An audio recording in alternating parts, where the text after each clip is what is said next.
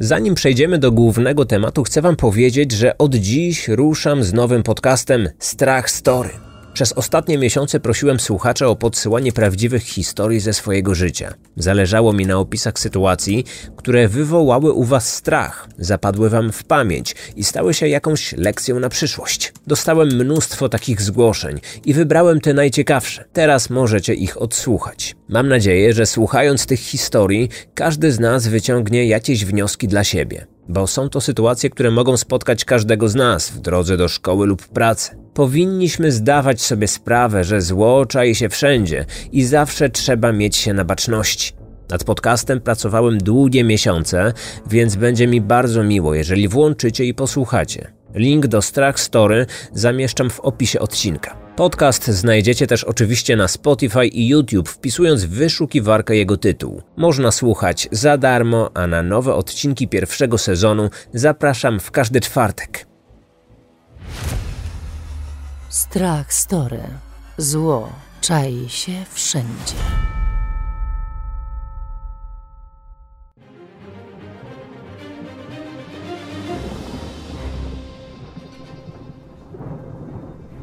Śledczy próbowali robić wszystko, aby ustalić tożsamość chłopca. Plakaty z jego podobizną rozwieszano w całym mieście. Jego zdjęcie opublikowano w gazetach i pokazywano w telewizji. Media szybko nazwały go nieznanym dzieckiem Ameryki oraz chłopcem z pudełka. O sprawie zrobiło się głośno w całym kraju. A mimo to detektywom wciąż nie udawało się trafić na żaden wiarygodny ślad. Nikt nie zgłosił się na policję z informacją, że rozpoznaje tego malca, że to jego syn, wnuk lub brat. Nikt nie oświadczył, że to synek sąsiadów lub znajomych. Musiało minąć jeszcze ponad sześć długich dekad, aby prawda ujrzała światło dzienne. Kryminatorium. Otwieramy akta tajemnic. Był poniedziałek 25 lutego 1957 roku. W godzinach popołudniowych młody mężczyzna przejeżdżał przez przedmieścia Filadelfii. Był studentem. Wracając do domu z uczelni, często wybierał właśnie tę trasę. Głównie z powodu tamtejszych królików. Uwielbiał je obserwować. Czasami nawet ratował te stworzenia przed wpadnięciem w pułapki zastawiane przez lokalnych myśliwych. Była to bardzo spokojna okolica, otoczona pięknym lasem, który od dawna należał do ulubionych miejsc wielu miłośników przyrody. Jadąc tamtędy, ludzie musieli wyjątkowo uważać, aby nie potrącić często wybiegających na jezdnię zwierząt. Widząc, jak jeden z królików nagle przebiegł przez jezdnię i wskoczył w przydrożne zarośla, student zatrzymał swój samochód. Doskonale zdawał sobie sprawę, że cała okolica aż roiła się od myśliwych ceniących sobie futra tych zwierząt. Obawiał się, że w zaroślach może znajdować się zastawiana pułapka. Postanowił to sprawdzić i gdyby zaszła taka potrzeba, uratować królika. Po futrzaku nigdzie nie było jednak śladu. Chcąc się upewnić, mężczyzna przedarł się przez pobliskie krzaki. Zamiast królika dostrzegł porzucone kartonowe pudło. Zaciekawił się tym, co z niego wystawało. Postanowił to sprawdzić. Chłopak zajrzał do środka i wtedy spostrzegł lalkę. Lalka była częściowo owinięta kocem. Było to nieco dziwne. Dlaczego ktoś miałby owijać zabawkę kocem? W głowie studenta pojawiło się wtedy spostrzeżenie, że ta lalka jest podejrzanie duża. Zaczął baczniej się przyglądać i po chwili zrozumiał, że to nie jest żadna zabawka. Wystraszony pobiegł do swojego samochodu. Bez chwili zastanowienia odpalił silnik i odjechał z piskiem opon. Wiedział, że powinien natychmiast powiadomić policję, ale mimo to hmm, wahał się. W swoim życiu popełnił już kilka błędów, przez które wolał unikać kontaktu ze stróżami prawa. A co jeśli po zgłoszeniu tego makabrycznego znaleziska, to właśnie jego o wszystko obwinią? Nie był święty. I obawiał się, że policjanci będą próbowali całą winę zrzucić na niego. Czuł jednak, że komuś musi o tym powiedzieć. Wybrał swojego brata, który był księdzem. Ten próbował mu wytłumaczyć, dlaczego powinien pojechać na komisariat policji. Młody student miał jednak wątpliwości. Wciąż milczał, czuł się coraz gorzej psychicznie. W nocy nie mógł spać. Rano usłyszał w radiu, że w okolicy zaginęła mała dziewczynka. Miała cztery latka. Bawiła się na podwórku z psem i nagle zniknęła. Słuchając wiadomości, poczuł się jeszcze gorzej. Wciąż miał w głowie obraz lalki w kartonowym pudełku. Myśli w jego głowie zaczęły się intensywnie kotłować. Ta lalka nie była lalką, ta lalka była dzieckiem i to martwym. To przecież mogła być ta dziewczynka, o której mówili w radiu. Uznał, że nie powinien już dłużej zwlekać. O swoim znalezisku powiadomił policję. Na miejsce przyjechał policyjny radiowóz.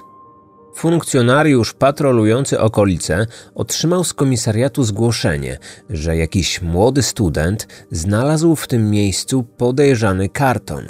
Nie był on do końca pewny, co znajdowało się w jego wnętrzu. Chciał wierzyć, że było to tylko zwykła lalka. Obawiał się jednak, że mogły to być zwłoki zaginionej dziewczynki. Policjant podchodząc do porzuconego kartonu był przekonany, że prawdziwy okaże się ten pierwszy scenariusz. Gdy zajrzał do środka, wiedział już, że niestety bardzo się pomylił. Szybko zwróciłem uwagę na istotne detale. Po pierwsze, głowa nie przypominała lalki, wyglądała jak prawdziwa, ludzka. Po drugie, miałem wrażenie, że to skóra człowieka. Przysunąłem się bliżej i uklęknąłem tuż przy kartonie. Tylko głowa i część tułowia były dobrze widoczne, ale nie miałem już wątpliwości, że to było dziecko. Zwłoki zawinięte były w czerwono-zielony koc. Chwilę później na miejsce zdarzenia przyjechała specjalistyczna ekipa policyjna.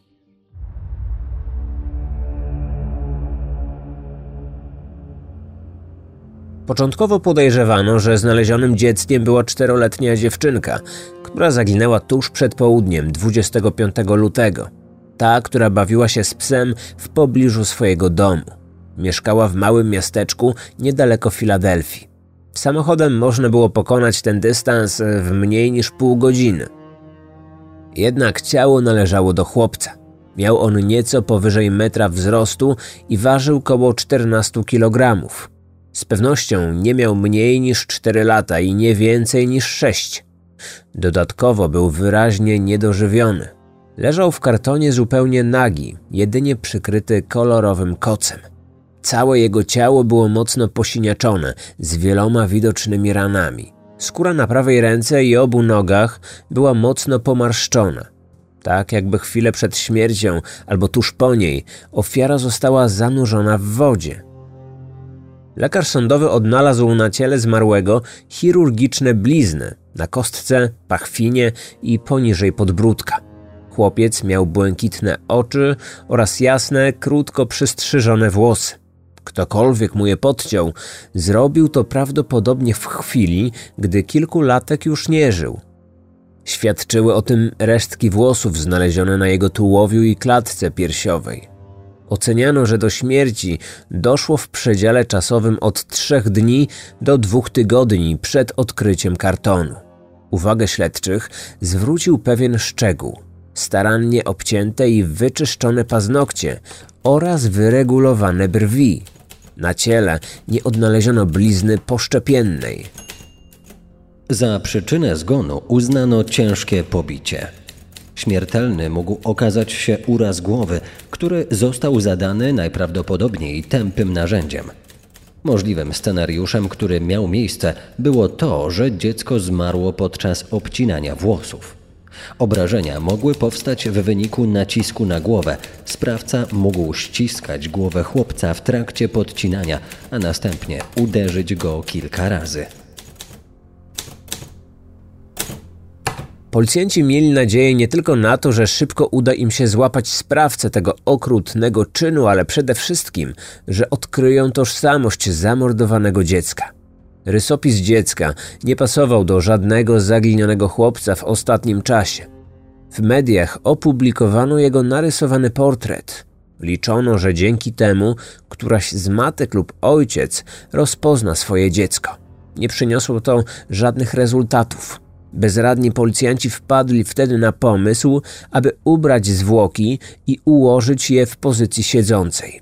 Następnie sfotografować i właśnie taki wizerunek opublikować w prasie i telewizji. Pozowane zdjęcie znalazło się we wszystkich najważniejszych mediach w kraju. Mimo to nikt nie zgłosił się z informacją, że było to jego dziecko. Nie napłynęły żadne wiadomości sugerujące, że ktoś znał lub kiedykolwiek widział chłopca.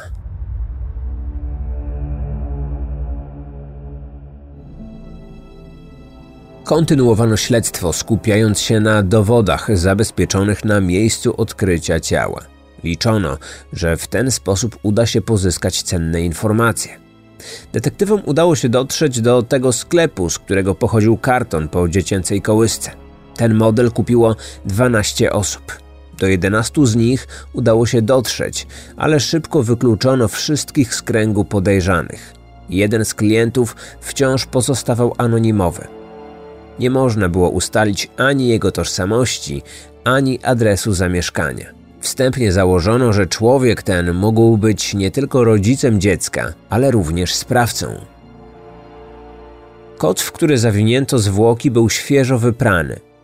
Nie odnaleziono na nim żadnych istotnych śladów. Zwracano przy tym uwagę, że był przecięty na dwie części. Dodatkowo brakowało w nim niewielkiego fragmentu. Pewien fragment został z niego wycięty. Na tym etapie śledztwa bierzemy wszystko pod uwagę. Zastanawiam się, czy nie było tam jakiegoś istotnego logo. Mogła to być na przykład nazwa domu dziecka z okolicy lub jakiejś innej placówki o podobnym charakterze. Jednak to są tylko nasze domysły. Na miejscu przestępstwa odnaleziono jeszcze inne przedmioty. Niebieską sztruksową czapkę z daszkiem, która najprawdopodobniej należała do dorosłego mężczyzny oraz białą chusteczkę z wyszytą literą G. Kilka metrów dalej, tuż przy drodze, leżały dziecięce buty. Znaleziono sklep sprzedający takie czapki. Sprzedawczyni dostarczyła policjantom cennych informacji. Opisała mężczyznę, który kupił dokładnie ten model. Zapamiętała go, ponieważ jako jedyny zażyczył sobie podobną czapkę, ale zawierającą skórzany element. Nikt inny o taką nie pytał. Policjanci poprosili kobietę, by postarała się przypomnieć sobie, jak mężczyzna wyglądał oraz to, jak się zachowywał. Sprzedawczyni zapamiętała go jako młodego mężczyznę po dwudziestce o jasnych włosach. Pokazano kobiecie zdjęcie zmarłego chłopca i zapytano, czy widzi jakieś podobieństwo pomiędzy nim a klientem, a ta odpowiedziała, że mężczyzna teoretycznie mógł być ojcem. W sklepie zjawił się w ubraniach roboczych i był sam. Nie były to żadne przełomowe informacje. Dało jednak śledczym nadzieję, że uda im się dotrzeć do tego człowieka. Rozpoczęły się poszukiwania. Uznano, że mieszkał w pobliżu, a więc ktoś z okolicy mógłby go rozpoznać. Zaczepiano ludzi na ulicy. Pukano do drzwi wszystkich domów. Pytano, czy ktoś kojarzy młodego blondyna noszącego niebieską czapkę z daszkiem. Jak można się spodziewać, policja nie dotarła do poszukiwanego człowieka. Co do znalezionych butów, intrygujące było to, że okazały się one idealnie czyste. Było to co najmniej dziwne, gdyż w okolicy było mnóstwo błota. Zabezpieczone obuwie przyniesiono do kostnicy, aby sprawdzić, czy pasują na stopę chłopca. Choć były to dziecięce buty, okazały się za duże. Być może nie miały one nic wspólnego ze śledztwem i ktoś je po prostu wyrzucił lub zgubił. Na białej chusteczce były włosy. Porównano je z włosami należącymi do dziecka oraz tymi, które pozostały na jego tułowiu. Był to kolejny ślepy zaułek. Badania wykazały, że nie było między nimi zgodności. Kilkadziesiąt metrów dalej natknięto się na koc, poplamiony i podarty. Zabezpieczono również szary męski sweter, w środku którego był martwy kot oraz dziecięcy szalik. Koc był podobny do tego, w który zawinięto dziecko, ale szczegółowa analiza wykazała, że został wykonany z innego materiału. Brakowało śladów potwierdzających, że te dwa koce należały do jednej osoby. Podobnie było ze swetrem i szalikiem.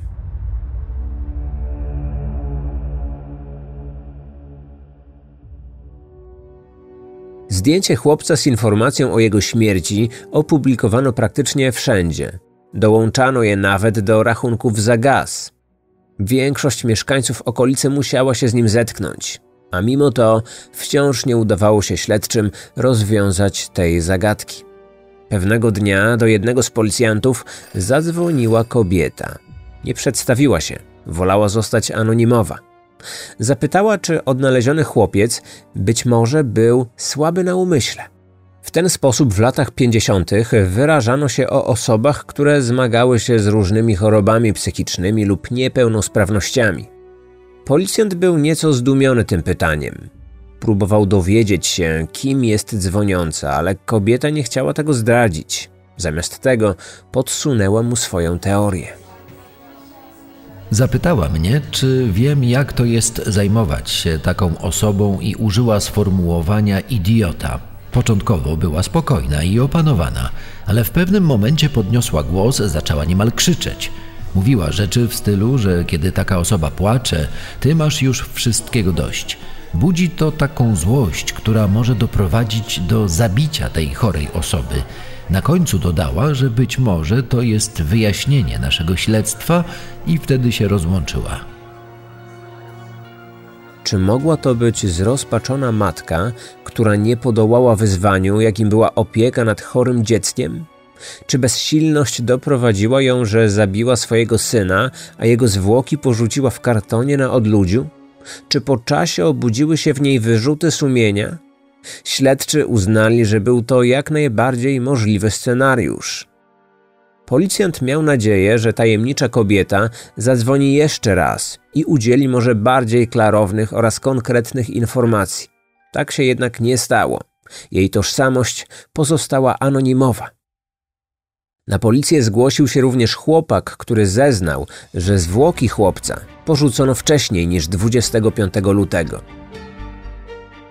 Ten 18-letni Polak lub Rosjanin, bo nigdy nie uzyskano co do tego pewności, od kilku lat mieszkał z rodzicami w Stanach.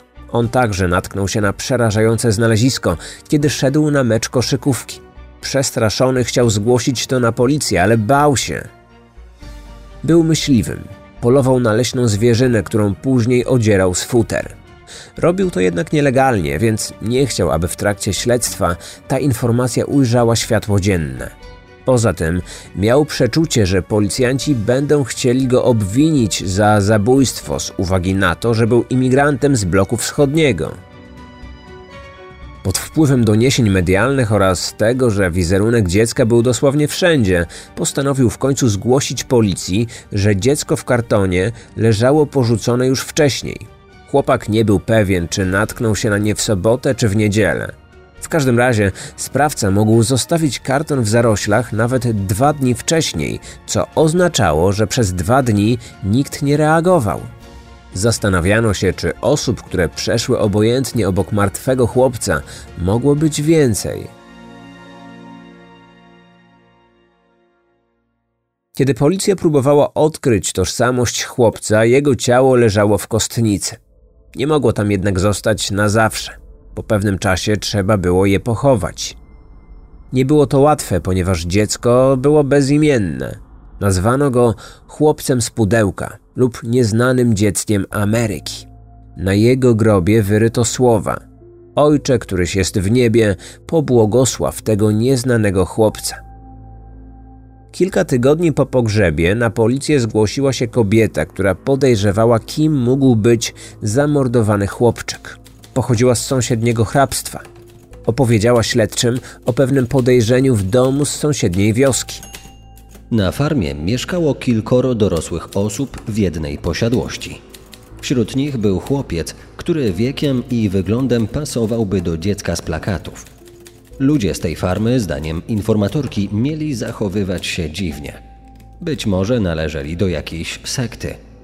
Kobieta nie wiedziała o nich zbyt wiele, ale zawsze wzbudzali w niej spory niepokój. Policjanci zdobyli nakaz przeszukania wskazanej posiadłości. Mieszkało na niej sześcioro młodych dorosłych. Wśród nich było też kilkuletnie dziecko, podobne do zamordowanego chłopczyka. Na miejscu nie znaleziono żadnego koca, który przypominałby ten już wcześniej odnaleziony. Nigdzie nie natknięto się na krew czy inne ślady, które potwierdziłyby przypuszczenia podejrzliwej kobiety. Ten wątek uznano za ślepy zaułek. Kolejna teoria pojawiła się kilka lat później. Została ujawniona dzięki jednemu z pracowników prosektorium. Mężczyzna bardzo zaangażował się w sprawę i choć nie był policjantem, bardzo chciał pomóc. Dlatego nawiązał znajomość z kobietą, którą uważano za medium. Pokazałem jej dwa małe przedmioty, które zostały odnalezione w kartonie. Medium wtedy przekazała mi wiadomość. Powiedziała, że powinienem poszukać domu zbudowanego z kamienia, który w pobliżu ma chatę i staw.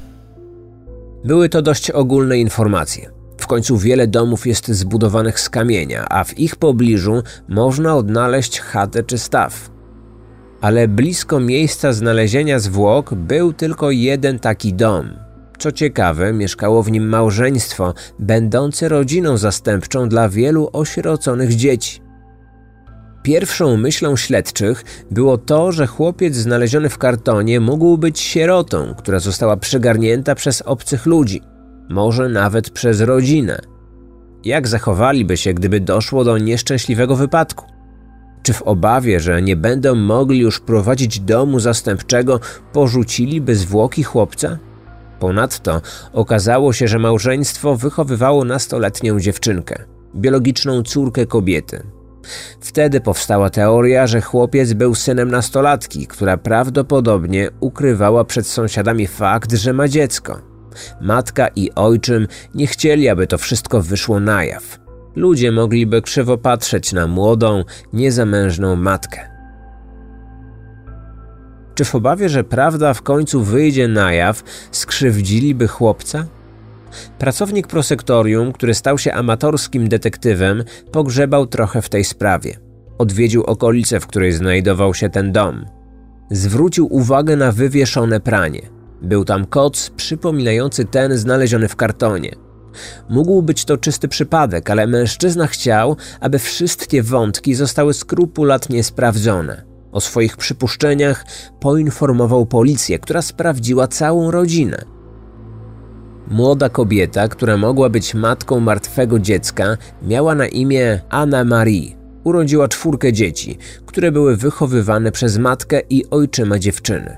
Jedno z nich zmarło, podobno w wyniku nieszczęśliwego wypadku. W okolicy plotkowano, że dziewczyna miała problemy psychiczne. Czy była to prawda? Tego nie wiadomo. Policja przyjrzała się rodzinie, ale ostatecznie nie odnaleziono żadnego powiązania z prowadzonym śledztwem. Do tego tropu wrócono kilka lat później. Wtedy okazało się, że córka po śmierci matki poślubiła własnego ojczyma. Wtedy zaczęto się zastanawiać, czy ich relacja nie rozpoczęła się znacznie wcześniej i czy mężczyzna nie był ojcem jej dzieci. Próbowano ponownie połączyć tę rodzinę z wątkiem chłopca w pudełku, który teoretycznie mógł być synem pasierbicy i ojczyma. Mimo to kolejny raz brakowało dowodów.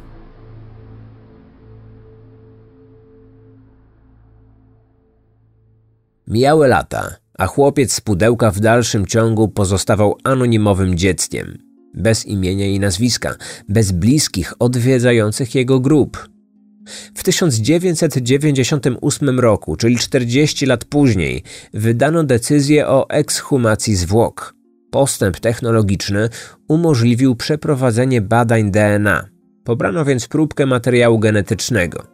Istniała szansa, że uda się ją dopasować do żyjących bliskich, ale nic takiego się nie wydarzyło w pierwszych latach po ekshumacji. W 2002 roku sprawa ponownie zyskała nieco rozgłosu i uwagi. Wszystko za sprawą kobiety, która zgłosiła się na policję z niepokojącymi wieściami. Oficjalnie nigdy nie ujawniono jej danych, ale mówiono o niej Marta lub M. Przyznała, że jej rodzice w 1957 roku zamordowali dziecko, a zwłoki porzucili na przedmieściach Filadelfii. Jej matka była z wykształcenia bibliotekarką, a ojciec nauczycielem. Oboje stosowali wobec własnej córki przemoc fizyczną, psychiczną, a nawet seksualną. Kiedy Marta miała 11 lat, w ich domu pojawił się chłopiec o imieniu Jonathan, który przez większość czasu był zamknięty w piwnicy. Wszystko to, co spotkało Martę, zaczęło dotyczyć również chłopca, a oprawczynią najczęściej była jej matka. W 1957 roku w ich domu miało dojść do tragedii. Matka wzięła chłopca do kąpieli, a ten nieoczekiwanie zwymiotował. To rozzłościło kobietę do tego stopnia, że zaczęła bić chłopca z całej siły. Dziecko zmarło w wyniku pobicia. Po wszystkim matka z pomocą ojca włożyła martwe ciało czterolatka do kartonu po łóżeczku i wywiozła do lasu. Marta przyrzekała, że to wydarzenie nigdy nie przestało jej prześladować. Po raz pierwszy opowiedziała o nim w 1989 roku swojemu psychiatrze. Temat powracał później także w rozmowach z bliskimi i przyjaciółmi.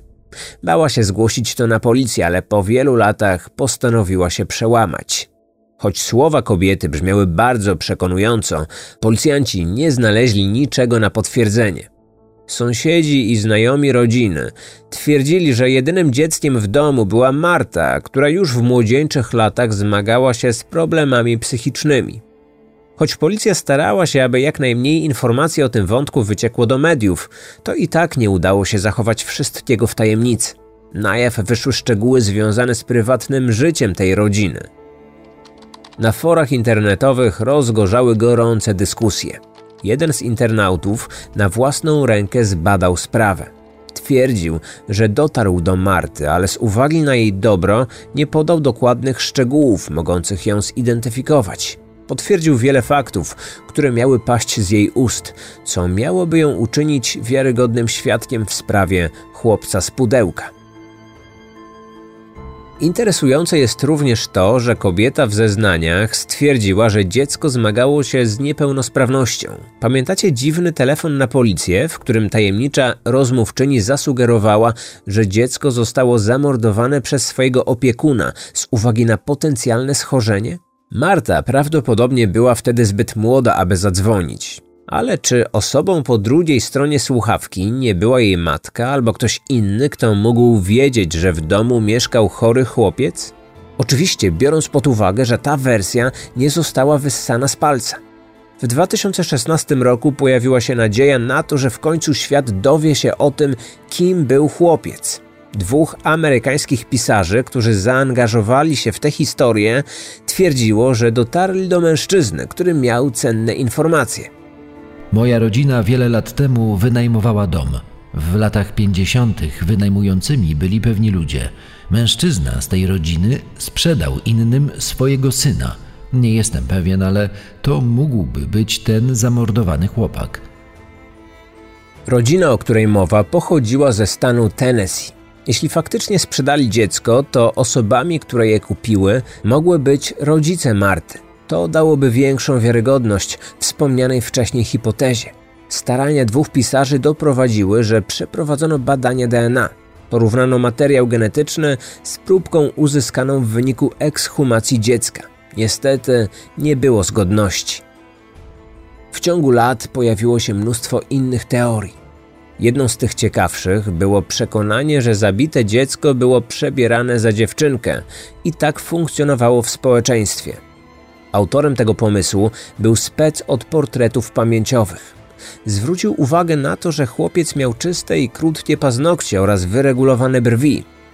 Uważał, że takie zabiegi częściej wykonywano dziewczynkom niż chłopcom. Jeśli ofiara była przebierana za dziewczynkę, to nic dziwnego, że na plakatach nikt nie rozpoznał chłopca.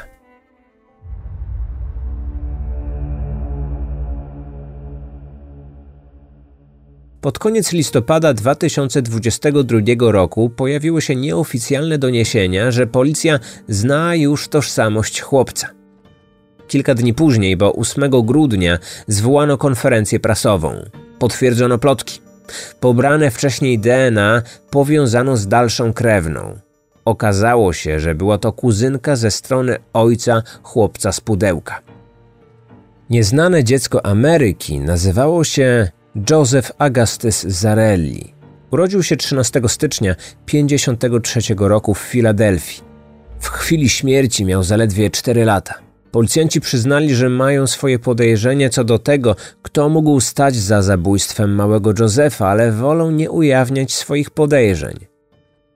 Zdecydowano się również, aby nie podawać informacji o rodzicach i rodzeństwu. Jednak kilka tygodni później dziennikarze wzięli sprawę w swoje ręce. Podano, że matka nazywała się Mary Elizabeth Abel, ojciec Augustus Zarelli, ale bliscy nazywali go Gus. Oboje już nie żyją. Pochodzili z Filadelfii, gdzie spędzili całe swoje życie.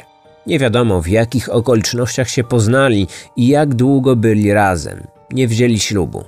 W chwili śmierci chłopca każde z nich było w związku z innymi osobami. Pojawiły się również spekulacje, że ojciec nie uczestniczył w wychowaniu chłopca, ponieważ nawet nie wiedział o jego istnieniu. Po 65 latach udało się poznać tożsamość, ale wciąż otwarte pozostaje inne pytanie: kto go zabił i dlaczego? Naturalnie pierwszymi podejrzanymi są rodzice. Niekorzystnym faktem dla rodziców jest to, że żadne z nich nie zgłosiło zaginięcia syna. Całe swoje życie spędzili w Filadelfii, więc trudno wyobrazić sobie, aby przynajmniej raz nie natknęli się na wizerunek chłopca opublikowany przez policję, zwłaszcza, że plakaty i zdjęcia były umieszczane praktycznie wszędzie.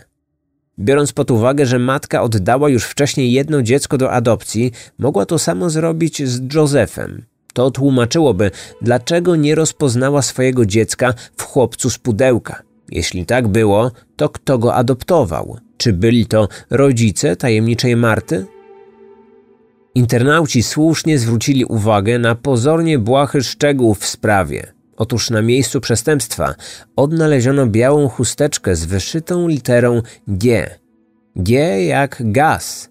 A takim właśnie zdrobnieniem imienia posługiwał się ojciec. Czy ta chusteczka należała do niego? Czy zgubił ją, kiedy porzucił zwłoki syna? Jaki mógłby mieć motyw? Wciąż nie wiadomo. Policja nadal prowadzi śledztwo. Wierzą, że pewnego dnia uda im się ustalić, kto jest odpowiedzialny za tę tragedię. Ktokolwiek jest winny, prawdopodobnie od dawna już nie żyje. A co za tym idzie, nigdy nie poniesie odpowiedzialności za swoją zbrodnię. Wciąż żyją jednak krewni chłopca z pudełka i wciąż czekają na poznanie wszystkich tajemnic tej tragicznej historii.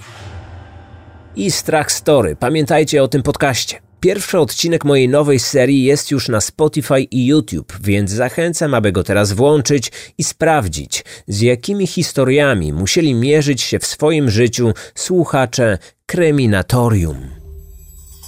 Odcinek powstał na podstawie książki Davida Stouta pod tytułem Boy in the Box z 2008 roku. Wykorzystano również stronę internetową America's Unknown Child oraz doniesienia prasowe z takich portali i czasopism jak NBC Philadelphia, Philly Mag czy Lineup i materiały autorstwa m.in. Claudii Vargas, Sabriny Ardeli oraz Jennifer Deutschmann.